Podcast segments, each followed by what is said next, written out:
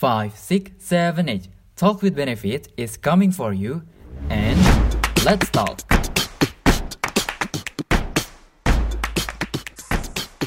Halo Sobat Fox, jumpa lagi nih di Pops, podcast perhub santai. Gimana nih kabar teman-teman makasih semuanya? Semoga selalu dalam keadaan sehat ya. Uh, dan juga jangan lupa untuk selalu mematuhi protokol kesehatan. And anyways, selamat datang di volume kedua dari Talks with Benefit dengan topik I'm a Good Speaker. Yang pasti bakal seru abis nih. Kenapa? Karena bakal banyak insight-insight baru dari narasumber-narasumber menarik. Yaitu narasumber kita kali ini adalah Wakil Presiden BEM Vokasi UB, dan ada juga kedua Kahim dari Vokasi UB, yaitu dari Kahim Haimpier dan juga Kahim Etsa. Oh iya, Sobat Fox, ada pepatah mengatakan, tak kenal maka tak sayang. Hai, kenalin, aku Edward. Di sini aku juga nggak sendirian. Ya, aku ditemani oleh partner aku, yaitu... Halo semuanya, aku Eja. Um, by, by the way, kita udah kedatangan tamu spesial loh. Langsung aja yuk kenalan sama Wapres BEM Vokasi UB beserta kahim-kahim keren kita pada siang hari ini nih. Langsung aja dimulai dari Kak Alia dulu nih. Hey, halo teman-teman. Sebelumnya perkenalkan, nama aku Alia Zara. Di sini aku selaku Wakil Presiden BEM Vokasi UB 2021 dan juga aku dari jurusan Perpajakan 2019. Salam kenal semuanya. Halo, salam kenal Kak Alia. Bisa dilanjut ke Kak Re? Halo, halo, halo guys. Uh, aku dari uh, Himpunan Mahasiswa Public Relation. Aku selaku Ketua Himpunan Mahasiswa Public Relation Universitas Brawijaya. Dan aku ya dari Public Relation Angkatan 2019. Salam kenal semuanya. Semoga nanti bisa memberi ilmu lah. Amin. Halo, salam kenal Kak Re. Next langsung ke Kak Siska nih. Halo semuanya, halo perkenalin nama aku Siska Widayanti, aku dari bidang minat bisnis English angkatan 2019. Di sini aku selaku kahim dari English Translation Student atau biasa kita sebut ETSA. Wih, asik keren-keren gak nih Ed narasumber kita iya, hari keren ini? banget hari ini. Halo Kak Siska juga. Oke, kita mungkin langsung aja ya. Nggak uh, kerasa nih, kita tuh udah ganti tahun ya, udah masuk ke ajaran baru juga. Nah itu kayaknya baru kemarin sih aku sama Eja nih uh, masih jadi maba-maba, terus kakak-kakak juga baru jadi cutting, sekarang kita udah nambah adik-adik baru lagi. Uh, itu gimana sih, Ja? Perasaan kamu juga? Iya nih, kayaknya baru kemarin aja kita masuk vokasi ya, tiba-tiba sekarang udah jadi cutting aja nih, udah punya adik gemes yang baru tuh kan, baru masuk kemarin itu. Hmm, mungkin nggak berasa banget juga karena uh, masih online ya, tapi semoga ke depannya kita bisa lakuin secara offline ke depannya. Uh, BTW, kamu udah pernah ke vokasi belum nih? Jangan-jangan belum tahu gedungnya nih yang mana? Waduh, aku kena serang nih kayaknya. Ya, aku belum pernah ke vokasi nih ternyata teman-teman semua. Jadi aku belum pernah lihat gedung vokasi itu kayak gimana sebenarnya. Tapi semoga nanti ke depannya dikit lagi aku bisa ke sana ya. Amin. Oke, okay, uh, kan kita kalau mau masuk jadi sebuah mahasiswa baru, pasti kita harus belajar cara berbicara di depan umum dan publik karena orang-orang di kuliah ini macam-macam kan Zah dan juga nanti kita bakal harus berani dong karena kita udah bukan anak SMA lagi. Nah, pas banget nih Za, bahasan topik kita siang ini pastinya bakal bermanfaat banget nih sama maba baru kita, yaitu topik kita kan I'm a good speaker. Nah, yang ini bakal ngulik nih Za. Kira-kira kamu kayak gimana Za? Oke, apa sih ya daripada penasaran langsung aja gitu ya apa itu a good speaker, public speaking gitu, langsung aja nih kita tanya ke karena di sini narasumbernya keren-keren aja. Uh, hmm, betul Keren-keren banget maksud aku bukan keren-keren aja. bukan keren-keren aja ya, banget banget sih kayaknya. Aku mau mulai dulu deh dari Kak Alia nih. Apa sih pendapat Kak Alia tentang good speaker dalam public speaking itu? Oke, okay, nah kalau menurut aku sendiri, good speaker itu adalah orang yang mampu uh, berbicara di depan umum, mampu uh, apa ya masih tahu tujuannya dia secara jelas, secara tepat dan informatif. Dan dia juga ketika nyampein itu bisa dengan percaya diri dan lebih tenang sih menurut aku kayak gitu. Benar sih Kak ya. Mungkin uh, kita di sini juga pasti punya background-background yang diharuskan kita untuk menjadi good speaker itu ya. Nah, uh, selanjutnya ada pertanyaan lagi nih mungkin ya. Uh, uh, good speaker nih jelas kaitannya dengan public speaking ya. Kita juga tahu. Nah, sebenarnya tuh public speaking menurut kalian penting nggak sih dalam perkuliahan? Terus organisasi ataupun dunia pekerjaan nanti, uh, apakah sangat penting nih public speaking untuk kita kita semua? Mungkin siapa nih yang bakal jawab langsung atau gimana? Mungkin dari Kak Re juga, Kak Re dulu nih. Halo, Oke, halo. Kak Re. Iya. Halo Kak Re. Um, menurut aku sih public speaking itu uh, penting banget ya. Karena uh, skill yang pertama dibutuhkan dalam bersosialisasi dan untuk nanti masuk ke dunia profesional itu uh, skill set kalian itu di nomor keberapa gitu. Yang pertama itu adalah uh, attitude dan how to you communicate gitu. Bagaimana kalian berkomunikasi, how you communicate gitu. Public speaking itu penting banget. Jujur aku uh, waktu SMA itu nggak terlalu senang tampil di depan umum ya. Tapi karena di pas kuliah pengen nyobain, awalnya coba-coba gitu, pengen nyobain gimana sih rasanya ngomong didengerin banyak orang. Akhirnya ternyata emang public speaking itu gampang dan kebetulan aja nggak kebetulan sih uh, uh, fun fact aja aku jadi ketua himpunan yang modal public speaking Keren itu sih kalau dari aku Oke. Berarti uh, bisa kita simpulin tuh uh, public speaking ini memang penting banget sih, Ja. Iya emang penting gitu ya. Kalau dari Kak Siska gimana nih? Penting nggak public speaking buat perkuliahan, organisasi maupun dunia kerja kita nantinya? Nah, kalau kalau menurut aku public speaking ini sangat penting banget ya, terutama untuk kita mahasiswa. Karena kita tuh akrab banget loh sebenarnya setiap hari sama yang namanya public speaking.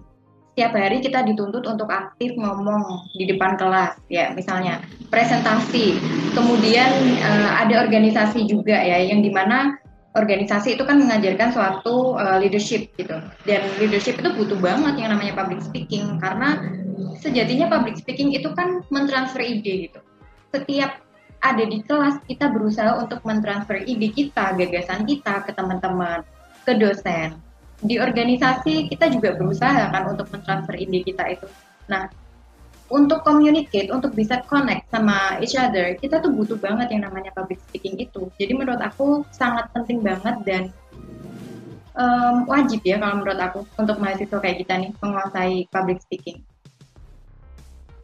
Oke, penjelasannya bisnis English banget gitu ya dari Kak Siska. Keren, keren, keren. Berarti emang public speaking tuh penting banget nih. Eh ternyata buat mahasiswa nggak cuma di perkuliahan aja, pastinya nanti juga berguna banget di dunia kerja. Nah nih teman-teman, uh, kalau boleh tahu nih, apa sih background kakak-kakak di sini sehingga bisa punya kemampuan public speaking yang bagus? Apa mamanya nih mungkin suka ngomel, mungkin jadi uh, iya, jadi kakaknya di sini tuh jadi suka ngomong gitu kan karena terinspirasi gitu dari pihak keluarga mungkin. Kalau dari kalian gimana nih? Oke, nah kalau aku sendiri itu kayaknya emang dari kecil tuh nggak kalem gitu ya, emang tipikal cerewet suka bercerita dan itu tuh jadinya kebawa gitu. Uh, ketika SD jadi makin suka bergaul sama orang-orang gitu, ketika SMP gitu, SMA apalagi ketika aku mulai mutusin ikut organisasi ini itu ya, dan itu mulai uh, terasah. Terus aku juga jadi lebih paham berbagai situasi dan cara ngomong. Aku rasa itu sih yang sebenarnya ngebentuk aku yang ada di titik sekarang. Kayak pengalaman yang udah-udah itu jadi bikin aku lebih berani, lebih tahu ada sih pasti stage di mana salah gitu ya. Ketika kita misalkan lagi di umum kita salah ngomongnya. Tapi di situ sih sebenarnya yang menurut aku jadi belajar, aku jadi terus ngedevelop diri aku sendiri biar uh, ayo dong pasti ke depannya lebih bisa lagi nih. Ayo dong dari misal mulai nggak pede. Nah, sebenarnya kuncinya menurut aku adalah kelihatan meyakinkan kalau misalkan kita ngomong di depan orang-orang, hal yang paling benar-benar jadi kunci utama, entah itu kita ngomongnya benar atau enggak ya, maksudnya di balik itu, yang penting tuh kelihatan aja meyakinkan. Karena kalau misalkan kita kelihatan meyakinkan, orang tuh kayak, oh gitu, itu sih.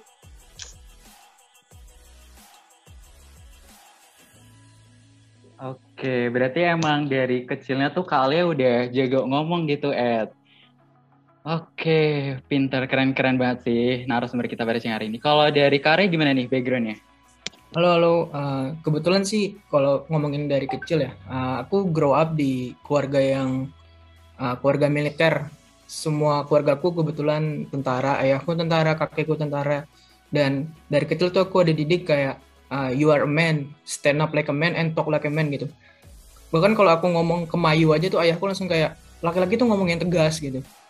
Jadi dari kecil tuh saya harus diajarkan bagaimana cara berbicara yang tegas kepada siapa pun gitu. Mau saya salah atau benar, bicaralah yang tegas gitu. Sampaikan apa yang salah, sampaikan apa yang benar. Terus juga uh, uh, FYI aku tuh sebenarnya introvert gitu, nggak terlalu seneng communicate sama banyak orang. Nah, ternyata ini membuktikan gitu bahwa nggak semua introvert itu nggak bisa public speaking gitu. Uh, I am introvert and I'm did well in public speaking gitu. Aku bagus di public speaking sebagai, sebagai seorang introvert. Uh, untuk mungkin untuk bersosialisasi aku nggak terlalu punya banyak teman, tapi sebagai public speaking aku mampu bicara di depan ratusan orang, ribuan orang gitu.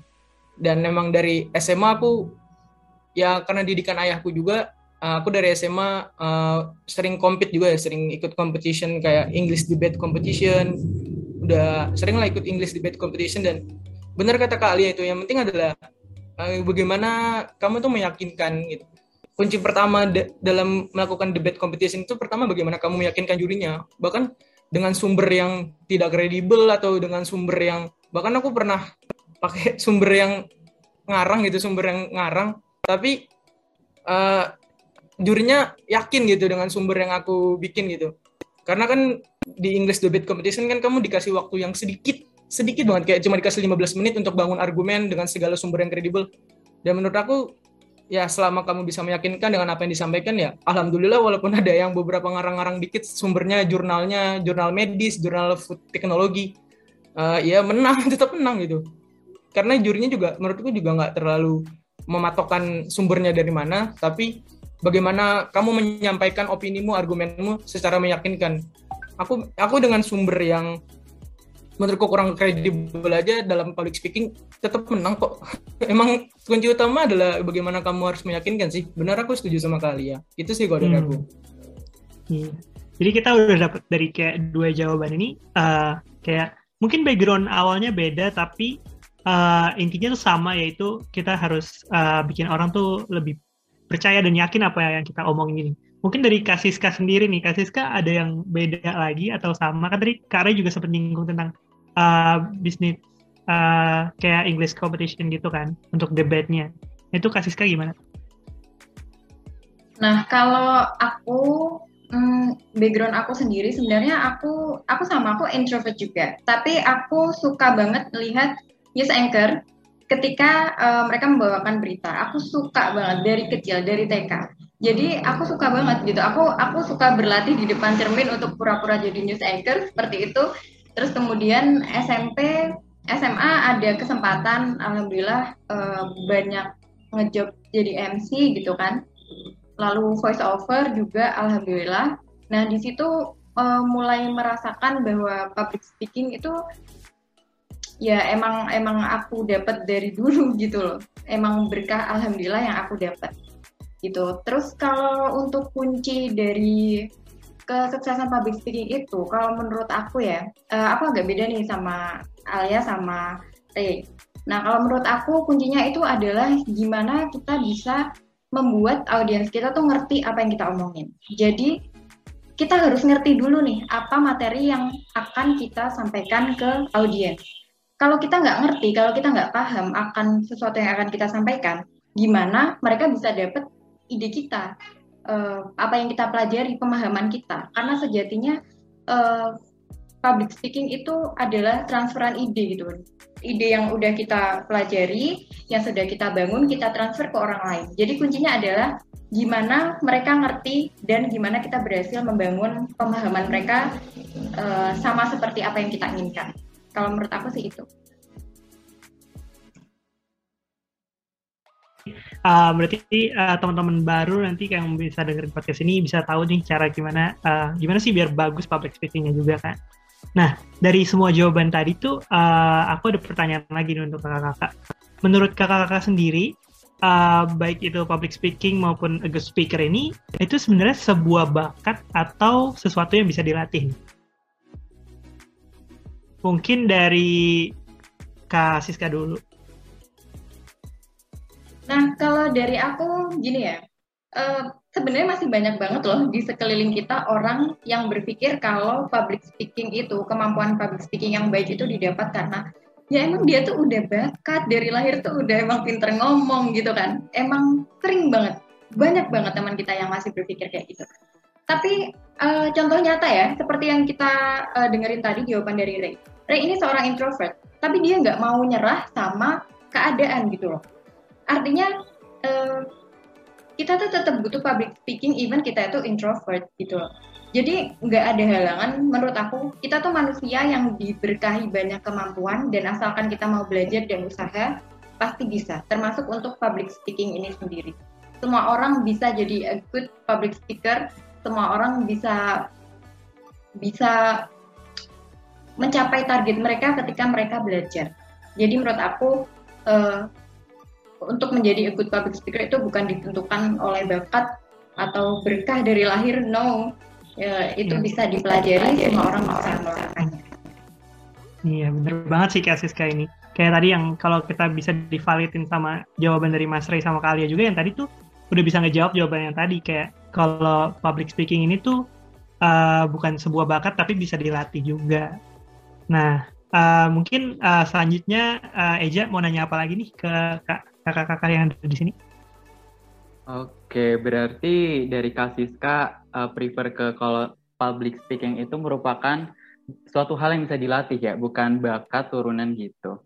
Kalau dari Kak Re gimana nih? Public speaking itu bakat atau bisa dilatih? Halo, halo. Uh, kalau menurutku sih public speaking adalah ya semua orang bisa jadi speaker gitu. Semua orang bisa belajar bagaimana mereka bicara, bagaimana berbicara di depan umum tapi I do believe uh, about natural talent gitu. Emang kadang ada beberapa orang yang dapat gift dari Tuhan gitu uh, sebagai public speaker bahwa semua orang bisa jadi a good public speaker tapi not everybody can be best public speaker gitu kan. Karena best itu ya mungkin hanya top top 10% top 1% bahwa natural talent itu berperan penting. Kan because uh, I'm an athlete gitu I do sport dan di dalam sport itu natural talent itu ke kerasa banget bedanya tapi bukan berarti headwork nggak bisa uh, ngalahin talent gitu. Orang-orang yang bekerja keras mau belajar mau bicara mau belajar mau mencoba memperbanyak jam terbang mereka juga bisa jadi best public speaker gitu. Bahkan best public speaker nggak nggak semuanya ada yang dapat talent bahkan ada yang introvert yang harus belajar ngomong dulu di depan temannya sendiri nggak bahkan di depan orang banyak gitu. Sampai akhirnya bisa ngomong depan orang banyak sampai akhirnya bisa ngomong depan ribuan orang dia belajar dari awal dari seorang introvert yang bahkan nggak nggak mampu menyampaikan perasaannya sendiri gitu. Tapi kalau apakah ada seorang yang dapat natural talent dari Tuhan? Ada gitu. Aku percaya dan teman sekelasku ada yang seperti itu gitu. Bahkan sebelum aku jago bicara di depan umum, teman sekelasku di kuliahku ada emang udah jago, jago lumayan bukan lumayan sih memang udah jago banget gitu. Cuma kan kalau aku ya sebagai ketua himpunan uh, public speaking is not enough buat jadi seorang leader gitu. Kamu harus punya uh, skill manajerial dan leadership. Gitu sih kalau menurut aku jadi public speaking itu hal yang bisa dipelajari. Everyone can be a good public speaker but not everyone can be best public speaker gitu. Itu sih kalau dari aku. Oke, keren-keren. Aku kutip nih Ed dari uh, statement dari Kak Ray, everyone can be public speaker, bad public speaking but not best public speaking. Oke, mantap-mantap. Berarti emang public speaking itu suatu hal yang bisa dilatih dan memang ada beberapa orang yang dianugerahi dari kecilnya tuh udah bisa gitu good public speakingnya. Lah, menurut Kak Alia hmm. nih, kriteria apa aja sih yang dimiliki good speaker itu bisa yang sebagai dikatakan good speaker yang baik? Apa aja tuh Kak kriterianya? Oke, menurut aku sendiri yang pertama dia itu bisa menyampaikan informasinya dan informasi itu bisa sampai ke audiens atau ke orang-orang yang uh, lagi dia ajak ngomong gitu. Terus yang kedua, gimana caranya dia menyampaikan? Mulai dari intonasinya, mulai dari tata cara bahasanya, gesturnya. Aku rasa makanya jadi public speaker itu kayak kata Ray tadi, semua orang tuh bisa ngomong, tapi nggak semua orang bisa naturally uh, menyampaikan itu dengan baik kalau aku juga setuju kalau misalkan uh, talent itu apa ya public speaker itu ada yang emang kita ngelatih gitu. Tapi ketika udah paket combo, dia itu udah ngelatih dan dia emang berbakat, aku rasa itu jadi salah satu kriteria di mana itu bakal ngedukung banget gitu loh. Sama kayak kata Ray tadi, kalau misalkan kamu di stage kayak misalkan kami jadi pemimpin, emang apa ya modal ngomong doang tuh nggak cukup, modal uh, kamu bisa menyampaikan itu nggak cukup. Tapi emang ada aspek-aspek lain. Let's say kayak leadership, management dan lain-lain. Tapi ya itu tadi sih menurut aku the most important adalah ketika uh, ketika kamu menyampaikan sesuatu itu sampai ke audiens, audiens paham. Terus yang kedua justru mereka bisa memberikan feedback yang baik atau justru ketika kamu yang ditanyain kamu bisa memberikan feedback yang baik kayak gitu sih dan semua orang aku rasa emang bisa belajar sih tentang ngomong tapi nggak semua orang ya itu tadi bisa belajar menyampaikan dengan baik oke berarti kriteria public speaking yang baik itu uh, bisa ya bisa menyampaikan apa yang kita sampaikan ke audiens dan audiens itu memberikan feedback apa yang kita sampaikan kalau iya, dari Iya, bener banget sih. Bener tuh. Kalau dari Kasiska gimana tuh kriteria good speaking yang baik? Kalau dari aku sendiri tentunya yang udah aku bilang tadi ya. Public speaker yang baik itu gimana dia bisa menyampaikan ide atau sesuatu yang ingin dia sampaikan ke orang lain itu tepat sasarannya.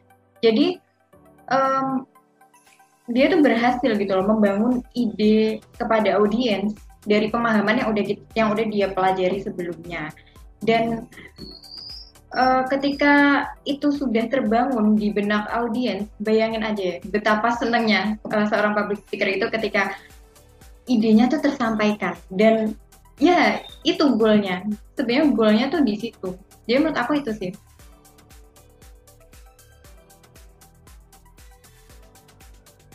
Oh, bener banget sih kayak idenya apa-apanya tuh semua harus dipikirin banget untuk jadi seorang public speaker yang baik ya.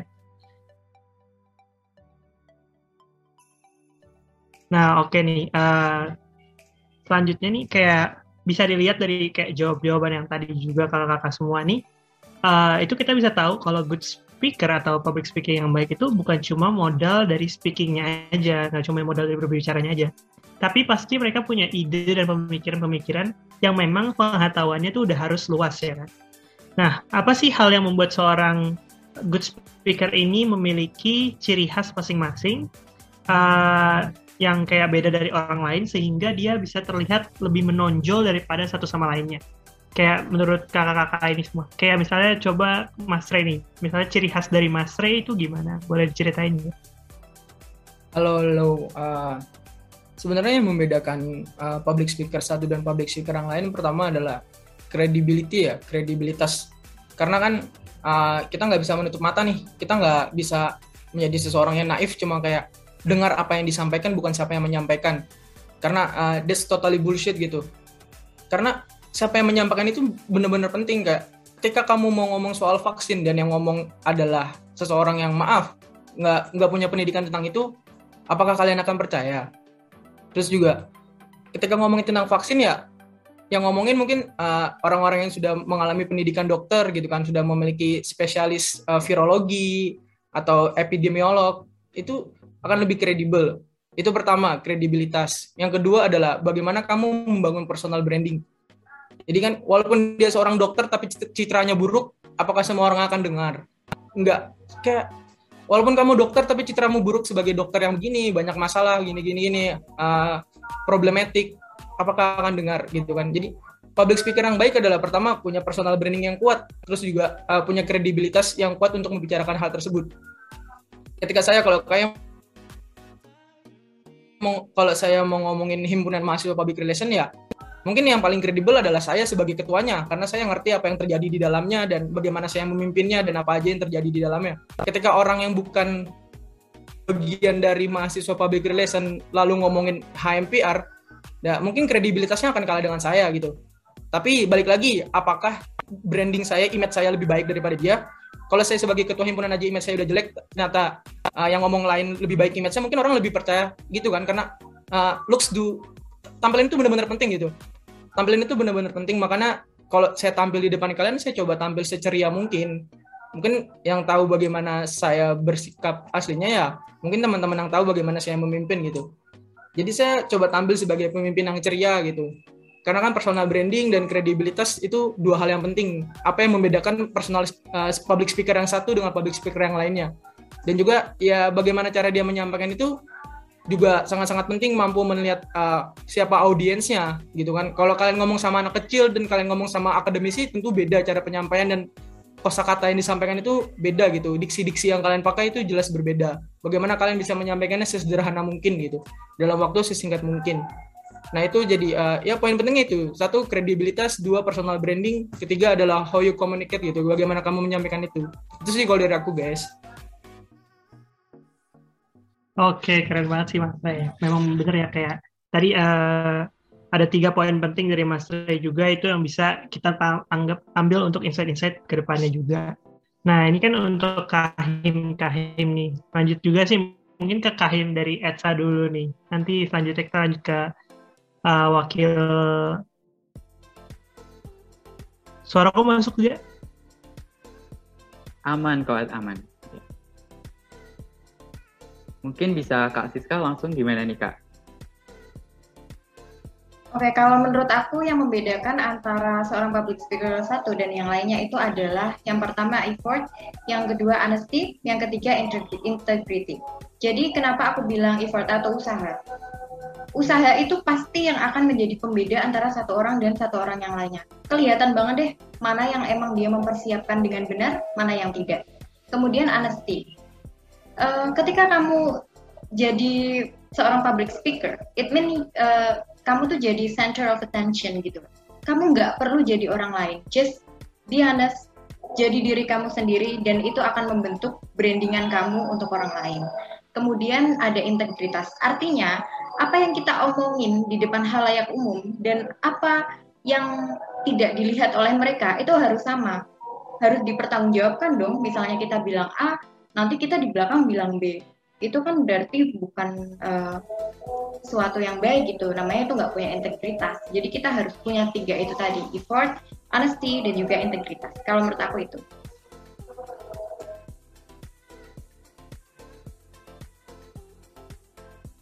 effort honesty sama integritas nah selanjutnya kita lanjut ke Kak Alia nih Kak Alia kan megang wakil sebagai BEM nih. Nah, itu public speaking kalian pasti di ini banget dong pertaruhkan karena itu sefakultas lah kalian tuh memimpin macam-macam orangnya beda-beda kegiatannya dan minatnya beda-beda. Nah, itu menurut kalian gimana nih tentang hal tersebut? Oke, nah iya benar kayak katanya dua tadi. Ketika emang aku kan di tahapnya di fakultas ya mainnya, dan aku memang harus otomatis bisa apa ya menyelaraskan dengan semua teman-teman, dengan semua jurusan aku harus paham culture-nya masing-masing. Misal aku lagi ngomong sama teman-teman adbis, aku harus paham nih gimana sih uh, culture-nya mereka, kebiasaannya mereka. Atau ketika aku ngomong sama anak desain, kubang, atau misalkan TI, nah itu pasti beda-beda banget. Cuma cara penyampaian yang menurut aku paling general adalah yang pertama, teknik penyampaiannya gitu ya. Teknik penyampaiannya, bentuk komunikasinya, dan yang terakhir itu tadi sebenarnya aku rada uh, beda nih pendapatnya sama Siska terkait honesty-nya tadi. Karena gini, uh, menurut aku kejujuran yang ada di depan itu bisa aja beda sama yang ketika kita di belakang. Aku nggak bilang kalau misalkan seorang pemimpin itu naif, tapi being a good speaker itu kadang kita butuh naif, terlihat naif di depan semua orang. Bukan karena kitanya buruk, tapi kadang emang kita itu tadi pers pentingnya personal branding. Karena ketika nanti kita, kalau misalkan kita di depan ya, kita benar-benar yang apa ya, ada banget nih kita ngasih apa adanya diri kita kadang orang itu justru jadi skeptis kayak oh pemimpin gini aja ya gitu nah kadang kita emang perlu nih kelihatan kayak ada wise-nya atau misalkan kelihatan kayak oh iya emang ya itu tadi yang menurut aku membedakan adalah bentuk komunikasinya. Sama kayak ketika aku misalkan nih di ya itu tadi aku bilang kalau aku misalkan di di BEM gitu ya, aku mengkom bagaimana aku cara menyampaikan aku ke teman-teman staff beda, ke teman-teman dari internal BEM beda, ketika di luar beda, dosen beda. Gimana cara kamu memposisikannya? Atau kalau misalkan in general ya, misal kamu di seminar di bla mungkin yang membedakan adalah cara uh, opening closing yaitu tadi teknik penyampaiannya. Ada orang yang ketika misalkan in public gitu ya dia suka banget uh, pembukaan pakai pantun-pantun gitu. Atau kalau misalkan dia suka menyapa-nyapa dulu. Nah itu adalah teknik-teknik yang emang berbeda. Cuma kalau menurut aku yaitu tadi yang paling penting adalah gimana cara kamu ngebangun komunikasinya sama orang-orang. Itu yang benar-benar kelihatan banget. Ada orang yang kalau misalkan ngomong di depan orang uh, value-nya bagus nih gitu. Tapi cara dia ngomongnya emang tipikal menggebu-gebu. Ada yang emang bagus, uh, let's say contoh Mario Teguh nih. Terkenal banget kan dengan caranya dia ngomong yang udah baik banget. Itu kan kita sampai ya karena mungkin kita ada yang ngerasa relate dan dia cara dia ngomong kan pelan-pelan pelan. Tapi kan kita nggak pernah tahu uh, behind that orangnya kayak gimana, kayak gitu kan. Cuma ya itu tadi uh, menurut aku emang kadang naif tuh perlu seperlunya aja gitu itu sih dari aku. Oke terima kasih kak Alia uh, berarti kita bisa simpulin uh, honesty juga perlu tapi naif sedikit juga perlu karena memang itu kayak sesuatu yang penting lah. Uh, nah terus uh, selanjutnya mungkin temanku ini Eja mau nanya lagi nih. Ada pertanyaan apa lagi ini dari Eja? Oke, benar banget nih. Mungkin para pendengar setiap podcast Grup Santai ini bisa take note dari jawaban masing-masing dari Kak Ray, Kak Siska, sama Kak Alia yang menurut kalian lebih apa ya, lebih um, menjadikan ciri khas kalian bisa kalian take note tadi. Nah, betul banget. Aku mau tanya sih agak sedikit ngelantur nih. kalian kan pribadi yang komunikatif nih ya. Kalian tuh lebih prefer pasangan yang juga juga juga jago ngomong atau yang pendiam nih? Mungkin dari Kak Siska dulu deh. Gimana nih Kak? Prefer pasangan yang suka jago ngomong juga atau yang lebih ke pendiam nih? Um, apa ya? Kalau aku sih bukan masalah dia jago ngomong atau pendiam ya. Yang penting uh, connect aja sih. Yang penting apa yang kita omongin tuh bisa connect gitu. Artinya komunikasi tuh bisa berjalan dua arah. Maksud aku nggak harus jago-jago banget kok ngomong asalkan uh, komunikasi antara kita berdua tuh bisa uh, berlangsung dua arah. Artinya nggak satu komunik nggak satu pihak aja gitu yang berusaha untuk uh, membuka pembicaraan atau melakukan pembicaraan. Jadi connect itu sih yang menurut aku yang paling penting. Oke, dari Kak Siska nih lebih pilih pasangan yang connect aja gitu ya kak nyambung za ya. nyambung bener kalau dari kalian gimana nih lebih prefer pasangan yang gimana Oh, prefer pasangan yang apa adanya. Ya, enggak lah. enggak Kayak lagu tulus ya. Apa adanya itu by the times ya. Apa adanya itu by the times. Tapi kalau emang uh, komunikasi itu kalau aku aku suka cowok yang bisa diajakin ngomong berbagai hal. Enggak nggak cuma kita ngomongin soal kehidupan sehari-hari, tapi aku suka banget ketika misalkan aku nanya dia tentang perspektif politik, perspektif tentang kayak bumi bulat apa datar ya, kenapa ya? Maksudnya hal-hal serandom itu tuh aku suka ngomongin karena amazed nggak sih ketika kita dengerin misalkan pasangan kita tuh bisa diajak ngomongin dari hal ringan sampai dengan hal berat, dari hal remeh sampai hal yang emang urgent. Itu. Oke. Berarti lebih kayak ini ya, pinter nyari topik juga ya gak sih? Nah, itu. biar ada pembicaraan gitu ya, waktu ngedate gitu misal. Kalau Kak Ray gimana nih? Lebih milih prefer pasangan yang jago ngomong atau pendiam? Uh, kalau aku sih pertama uh, relationship is a partnership gitu sih, iya kan? Relationship itu partnership. Kalau pasangan kalian nggak bisa jadikan partner kan, pasangan kalian itu kan partner hidup sih kan, teman hidup kan, partner hidup relationship is partnership gitu kalau masalah uh, ini kan preference ya preference setiap orang beda-beda kalau pengen yang banyak ngomong atau uh, sedikit ngomong atau pendiam itu aku sih lebih fall in love sama cewek yang pendiam yang yang gimana ya? Al uh, kayak kayak uh, pendi cewek pendiam itu punya daya tarik sendiri gitu kayak uh, aku cewek kan cewek pendiam itu bukan berarti nggak bisa diajak ngomong kan? Bukan berarti nggak bisa diajak communicate nggak bisa diajak partnership. Mungkin dia memang nggak banyak bicara tapi ketika kita harus membicarakan hal-hal yang penting terkait hubungan kita dia mau bicara gitu. Karena perempuan itu kan bukan tentang apa yang diucapkan sih. Perempuan itu tentang apa yang tidak diucapkan gitu. Karena apa yang keluar dari mulut mereka itu sedikit banget dari apa yang mereka pendam gitu. Dan sebagai laki-laki ya saya harus bisa memahami perempuan tanpa perempuan itu membicarakannya gitu kan. Dan it, perempuan akan lebih senang seperti itu gitu. Bahkan uh, uh, saya pernah punya mantan mungkin pernah pacaran lah sama mantan ada mantan lah. Nah, mantan saya ini cuma ngomong kayak uh, pengen minuman yang manis dan sebagai cowok saya tahu apa minuman manis favorit dia tanpa dia menyebutkan pengen minuman itu. Dan akhirnya saya belikan itu dan dia happy gitu kan dia senang. Dan makanya kan saya bilang perempuan itu apa yang tentang apa yang tidak diucapkan gitu. Apa yang nggak dia ucapkan kita harus mampu mengerti memahami. Walaupun dia cuma ngomong pengen minuman manis. Atau dia ngomong pengen makan yang pedas. Dan saya tahu apa makanan pedas favorit dia tanpa harus dia kayak nuntut-nuntut sayang ini ini ini karena perempuan itu kadang kalau nggak nggak mood untuk bicara ya kita harus memahami dia tanpa sepatah kata dari dia gitu kan. Sebagai laki-laki saya harus mampu memahami dia bahkan ketika dia sedang tidak bicara sama saya gitu. Atau nggak ketika dia ngambek sedang berhenti bicara sama saya ya saya harus memahami dia bahwa dia lagi ngambek. Karena nggak mungkin kan perempuan ngomong mungkin perempuan lagi ngom lagi ngambek nih terus ngomong aku lagi ngambek. Nggak nggak mungkin kayak gitu kan nggak aku lagi marah sama kamu. Enggak kan tiba-tiba diem aja tiba-tiba udah marah aja kan. Dan mungkin ketika saya udah uh, pasangan mungkin setahun sama dia atau enam bulan atau berapa bulan dan saya mulai memahami dia. Saya tahu kalau dia marah tanpa dia berkata bahwa dia marah. Saya tahu bahwa bagaimana dia ngambek tanpa berkata bahwa dia lagi ngambek gitu. Dan memang rumit gitu memang perempuan itu rumit tapi bukan berarti nggak bisa dimengerti gitu. Karena mantan saya memang rumit tapi saya mampu memahami dia gitu. Saya mampu mengerti dia dan ke depannya mungkin uh, pasangan saya yang baru itu ya mungkin masih butuh waktu untuk memahami dia tapi perempuan itu memang rumit tapi bukan nggak bisa dipahami. Laki-laki memang butuh effort untuk menunjukkan bahwa dia worth untuk perempuannya gitu. Laki-laki itu mau berjuang untuk perempuannya mau mengerti untuk perempuannya.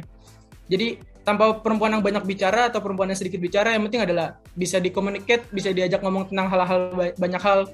Ya nggak perlu tentang deep stuff gitu nggak perlu deep talk atau apa. Yang penting kita mampu membicarakan perasaan kita masing-masing kita mampu membicarakan hubungan kita ke depannya mau gimana dan laki-laki memang harus mengerti apa yang tidak dikatakan perempuan gitu karena perasaan perempuan kadang-kadang nggak terucap perasaan perempuan itu ya perasaan aja kita sebagai laki-laki harus menangkap itu gitu sih kalau dari aku Oke, jadi cerita ya. Gak apa-apa sih, sharing-sharing itu baik. Berarti ini Ed, uh, dari Kak Siska, Kak Alia, sama Kak Ray itu punya mm -hmm. pilihannya masing-masing. Ada yang lebih suka ke connect, lebih suka ke yang suka uh, ngobrolin perspektif dari di politik, kayak gitu tadi kayak Kak Alia, atau juga suka yang pendiam Luas lah topiknya ya Kak Alia. Iya. iya. Jadi kalau nanti teman-teman yang denger Pops nih, mungkin ada yang udah ngincer Kak Alia, Kak Tiska, atau Kak Ray bisa tiba-tiba, oh gini ya ternyata tipe kesukaannya. Mungkin nanti kita lihat ya. Mungkin jodohnya nanti yang dari yang dengerin Pops nih. bisa jadi ya. Oke, mungkin terakhir aja nih, karena udah seru banget dari tadi ngobrol-ngobrol panjangnya. Uh, terakhir banget pasti yang paling penting adalah yaitu uh, kita mau minta tips and tricks dari kakak-kakak semua di sini. Nah, tips and tricks ini kayak gimana sih cara jadi public speak, speaker atau public speaking kita tuh jadi lebih baik dan bagus sebagai mahasiswa, mau mahasiswa baru, mau mahasiswa lama gitu juga. Nah, uh, supaya uh, bisa jadi uh, pegangan untuk teman-teman vokasi-vokasi ke depannya selama mereka menjadi mahasiswa maupun setelah lulus ke depannya. Itu gimana tuh? Mungkin dari Kak Alia dulu deh. Oke, nah teman-teman, uh, kalau dari aku sendiri ya, nah perlu diingat setiap orang tuh punya caranya masing-masing untuk ngembangin skill komunikasinya. Kalau dari aku sendiri, yang pertama emang aku suka banget ngomong sama diriku sendiri. Yang emang agak aneh ya, kadang ngajak ngomong diri sendiri, entah itu emang lagi motoran terus kayak, eh iya nih nanti gini nih. Atau misalkan aku ngomong sama kaca, atau misalkan uh, bisa juga dengan cara kalian menurut aku ya ngelihat cara orang ngomong tuh bisa juga nambah insight kalian untuk oh ternyata tuh cara ngomong yang bagus tuh kayak gini ya oh cara ngomong yang bagus tuh kayak gini ya terus yang ketiga tuh emang uh, banyakin jam terbang karena nggak bisa dibohongin banget nih teman-teman ketika semakin sering kalian ngomong di luar jadi tuh semakin kelihatan nih uh, kalian tuh udah terasa apa belum capable atau enggak terus bisa menyampaikan dengan baik atau enggak dan ya dan sebenarnya yang paling penting adalah kalian mau untuk berusaha dan keluar dari zona aman kalian. Kalian tuh apa ya? Kita tuh nggak bisa hidup itu cuma di titik netral, di titik apa yang kalian mau. Kalau kalian nggak mau keluar, kalau kalian nggak mau nyoba untuk nyari tahu hal baru, kalian bakal stuck. Kalian bakalan ketinggalan sama orang-orang yang mungkin lebih berkembang. It doesn't mean kalian itu lagi uh, bersaing startnya sama orang-orang. Tapi emang perlu kalian tahu di zaman yang sekarang ini kalian tuh harus punya sesuatu, kalian harus punya value untuk bisa bertahan hidup, bisa survive di dunia yang sekarang ini. Um, dunia itu nggak nggak sebaik itu teman-teman. Dunia itu take and give. Kalau kamu bisa ngasih sesuatu, kamu akan diberikan sesuatu. Jadi yaitu tadi, kalau kamu bisa menyampaikan dengan baik, kamu bisa improve, kamu mau berusaha, aku rasa kamu bakal bisa sih dapetin apa yang kamu mau as long as itu emang dengan niat yang baik, dengan cara yang baik. Dan perlu diingat setiap orang punya caranya masing-masing. Gitu sih dari aku. Semangat ya. Bentar sampai ketemu di vokasi. Kalian tuh uh, kalau kita mau ya, itu kayak juga cara orang berkembang di ngembangin komunikasinya tuh itu beda-beda setiap orangnya. Jadi kayak kalian tadi bilang suka ngomong sendiri. Aku juga kadang sering ngomong sendiri sih sama diriku kayak kayak seru aja gitu loh ngobrol sama diri sendiri buat ngelatih. Gua, aku juga suka Ed, suka ngomong di cermin gitu kan. seru banget memang ya biasanya. Oke mungkin kita next lagi nih ke Kahim dari Kak Siska itu dari Edsa nih. Kak, eh, Kak Siska nih gimana kalau dari kakak sendiri tips and trick untuk teman-teman semua? Nah kalau dari aku tipsnya adalah uh, berlatih ya tentunya ya jadi public speaker yang baik itu nggak cukup sehari dua hari, nggak cukup satu kali latihan, dua kali latihan itu nggak cukup.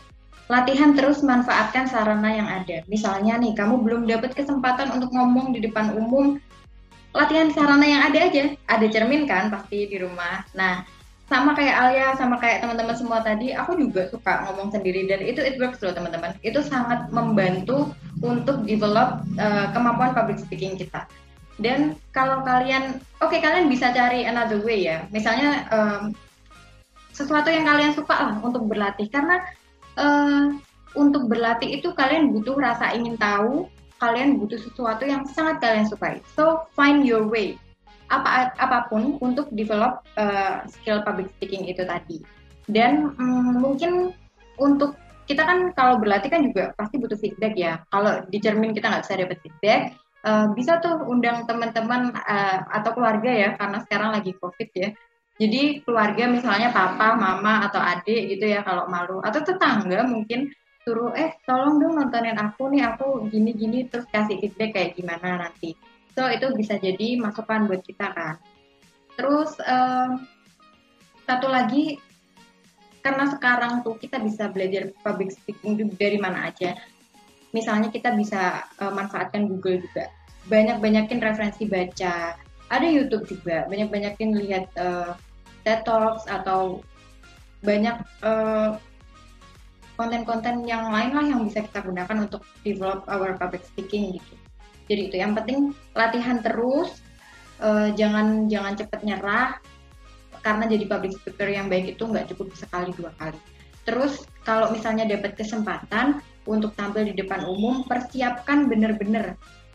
Kamu harus paham benar materinya itu apa, apa yang mau kamu sampaikan, harus paham benar karena ide itu nanti adalah modal untuk kalian sampaikan ke teman-teman audiens. Jadi itu penting banget. Uh, tool ya kayak laptop dan lain sebagainya atau apa pun ya yang kalian butuhkan untuk tampil itu persiapkan benar-benar so itu bisa mengurangi rasa nervous kalian ketika kalian udah siap. Jadi pas kalian udah ada di stage kalian oke okay, aku udah siap everything will be okay aku tinggal nyampein dan um, berusaha menampilkan yang terbaik gitu jadi itu dari aku terus latihan dan pengalaman juga penting sih kayak Kasiska juga dari dulu SMA udah kayak jadi MC gitu gitu itu pengalaman tuh penting banget sebenarnya juga jadi kita harus mau berlatih mau mencari pengalaman biar kita bisa jadi public speaking yang baik. Nah, kayak tadi juga dibahas Siska ada nerve-nya kan kadang kita suka nervous kan kalau lagi mau ngomong. Untungnya di zaman kayak gini tuh adalah uh, kita bertatap cuma sama laptop kita. Kita nggak ngelihat orang-orang secara rame kan. Nah, itu bisa menghilangkan nerve sedikit lah. Tapi kalau masih nervous juga, kira-kira uh, dari terakhir nih Mas Rey, tips and triknya gimana nih? Kalau walaupun udah online kita tetap nervous juga. Itu gimana tuh tips? Nah, kalau aku dari pengalamanku ya, uh, kalian tuh biasanya nervous itu pertama karena uh, overthink gitu, overthinking. Kedua dan yang paling penting itu adalah memahami materi. Karena itu uh, kerasa banget bedanya ketika kalian memahami materi dan kalian lupa-lupa sedikit itu nggak mempersiapkan itu uh, beda banget. Bahkan ketika kalian cuma ngomong di depan teman kelas sendiri yang kalian udah ketemu setiap hari udah ketemu setiap hari kan kuliah ngerasain kuliah offline kan. Itu ya aku teman kelasku ya itu itu terus gitu kan. Tapi ketika kalian nggak paham materinya ya kalian bakal nervous gitu. Makanya pemahaman kalian tentang materi itu penting banget gitu penting kalaupun kalian memang nggak jago public speaking, nggak jago ngomong, pertama ya pahami aja materinya. Walaupun kalian nanti bicaranya kurang bagus sebagai public speaker, tapi ketika kalian ditanya kalian bisa jawab gitu. Ketika uh, audiensnya mengajukan pertanyaan, ya mungkin kalian menyampaikannya beberapa kurang jelas gitu, tapi audiens menyampaikan pertanyaan, ah, saya mau bertanya tentang ini ini, kamu bisa jawab gitu. Mungkin kamu nggak nggak jago sebagai pembicara, tapi kamu hebat sebagai penjawab, sebagai akademisi yang memahami materi kalian gitu. Dan itu juga hebat, nggak semua orang harus jago jadi public speaker yang hebat, nggak bisa, nggak semua orang. Memang kalau memang ada orang yang nggak jago public speaking ya ya sudah gitu. Kita nggak punya hak apa-apa untuk memaksa dia gitu kan. Kalau memang nggak semua orang jadi public speaker gitu. Memang ada beberapa orang yang di bidang lain. Kalau kita semua jadi public speaker siapa yang jadi teknisi? Siapa yang jadi worker yang lain gitu. Nggak semua orang harus tampil di depan umum kan. Nggak semua orang harus hebat di depan umum. Mungkin ada yang hebat di belakang layar dengan pemikiran-pemikirannya sendiri ya kalau ngomongin tokoh-tokoh hebat ya kita selalu tahu kayak tokoh vokal Soekarno kan. Tapi kan otak di balik Soekarno Muhammad Hatta, bagaimana dia merumuskan uh, dasar negara dan segala macam. Dan mungkin teman-teman nggak tahu kayak Tan Malaka. Ada Sultan Ab, Sultan Ibrahim kan Tan Malaka. Mungkin teman-teman nggak tahu Tan Malaka. Tan Malaka itu kan nggak nggak tampil di depan umum sih. Tapi Tan Malaka itu yang pertama kali mencetuskan Republik Indonesia gitu. Kata Republik dari Indonesia kita yang menciptakan ya Tan Malaka gitu menuju Republik dari bukunya bukunya menuju Republik kalau nggak salah buku jilid pertamanya itu pakai bahasa Belanda kan Nah, kita nggak tahu kan, kita cuma tahu tokoh vokal yang jago bicara di depan umum sebagai tokoh yang lantang ya Soekarno. Tapi di balik Soekarno kan banyak tangan-tangan yang menyokong dia untuk bicara di depan umum gitu dengan materi-materi mungkin aja Soekarno tidak menyiapkan materinya sendiri tapi dibantu sama teman-temannya sebagai materi yang bagus gitu kan. Jadi kalau memang kamu nggak jago sebagai pembicara, setidaknya kamu jago sebagai penjawab gitu. Kamu ngerti apa yang ditanya dan kamu mampu menjawab itu kalau aku sih itu pemahaman materi dan nggak bisa sih kita memaksa semua orang harus jago di depan umum dan segala macam. Tapi kalau semua orang jadi good public speaker apakah bisa? Bisa gitu. Belajar. Jam terbang itu penting banget. Jam terbang. Aku juga pernah dapat job MC dan itu pertama kali aku dapat job MC kan ngomong uh, eh, karya udah pernah MC belum sebelumnya? Belum sih, tapi aku jago udah ngomong depan umum. Padahal nggak jago. Pede aja gitu kan. Pede aja. Yang penting pede aja dulu ya kan akhirnya karena saya pede saya dapat job MC pertama kali gitu. Kalau saya bilang ah enggak deh gue nggak bisa MC malu ngomong depan umum. Saya nggak akan pernah jadi MC seumur hidup nggak akan pernah. Sampai sekarang karena karena confidence saya yang PDI dulu ya kan terobos aja lah gitu kan. Akhirnya saya dapat kesempatan untuk MC di depan ribuan orang di depan ratusan orang. Ya udah beberapa kali juga saya MC dan uh, ya pertama kali MC apakah nervous? Enggak sih karena aku kan uh, memahami materinya dan tahu siapa yang akan bicara di depan aku. Jadi nervous sih enggak cuma kalau masih jadi public speaker yang bagus apakah langsung bisa? Nggak bisa gitu. Aku bukan orang yang terlahir dengan natural talent public speaking gitu. Aku harus belajar bahkan aku sebagai seorang introvert ya harus belajar dulu ngomong yang tegas belajar ngomong di depan teman sendiri baru akhirnya dapat kesempatan MC ngomong di depan ribuan orang. Itu ya aku belajar pelan-pelan. Tapi seperti kalian lihat ya aku mampu jadi public speaker yang bagus. Cuma kalau aku bilang apakah aku bisa jadi public speaker yang terhebat yang best public speaker? Who knows gitu. Nggak ada yang tahu ke depannya gimana gitu jadi sih itu menurut aku. Jadi kita harus berbanyak perspektif aja. Nggak semua orang harus hebat di depan public speak nggak di depan umum gitu. Gitu dari aku guys. Mungkin ada pendapat dari kalian? Hmm, mungkin dari aku sendiri juga kayak bener ya kayak Mas Ray Kalia gitu-gitu juga. Itu pendapat-pendapatnya udah kayak mewakili uh, jawaban-jawaban aku juga sih. Kayak memang PD itu penting banget sih. Kalau kita nggak PD ya pasti bakal langsung down untuk melakukan kegiatan yang kita mau. Apalagi tiba-tiba kita kalau kurang PD itu ada kata-kata masuk dikit aja tuh bisa mempengaruhi banget hasil kita ke depannya. Nah, kayak segmen selanjutnya nih udah segmen yang sedih juga nih, Ja. Gimana nih, Ja? Segmen apa nih kita? Sedih banget kayaknya. Udah mau selesai ternyata. ya. Gak kerasa ya. Enak gitu ngobrolnya bareng kahim hmm. kahim kahim dan waktu Asik banget sih, karena memang mereka basic public speaking dan public speaker bagus banget, jadi kita ngobrol aja dari itu enak banget dengerin ngobrol mereka semuanya. Bener banget nih Ed, nggak kerasa juga udah 30 menit lebih kita bincang santai di POP, Podcast Perut Santai. Uh, mudah-mudahan ilmu yang diberikan bermanfaat untuk para pendengar setiap Podcast Perut Santai. Uh, teman-teman juga bisa take note dan terapin juga nih pendapat pendapat-pendapat dan masukan saran dari Kak Alia, Kak Siska, dan juga Kak Ray. Uh, semoga podcast Baru Santai ini bisa bermanfaat buat kalian semua dan terus menyajikan konten-konten yang menarik dan bermanfaat tentunya. Dari Edward ada tambahan lagi? Semoga apa pun yang tadi disampaikan kita semua di sini itu dapat bermanfaat banget buat kalian semua, apalagi yang mau masuk ke dunia perkuliahan maupun yang udah mau keluar dari kuliah karena uh, public speaking adalah salah satu fondasi kuat yang buat kalian uh, gunain ke depannya selama kalian di uh, berada di kehidupan karena sosial itu sangat kejam jadi kalian harus bisa public speaking yang baik gitu. Oke. Sekian dari kita nih Ed. Sampai jumpa Sobat Fox. Dadah. Terima kasih telah mendengarkan podcast Perup Santai Volume Talk with Benefits. Jangan lupa untuk share konten ini ke sosial media kalian ya. Kalau mau cek konten menarik lainnya, bisa banget di sosial media Bervokasi UB. Ada di Instagram, Twitter, YouTube, dan Spotify. See you, Sobat Fox!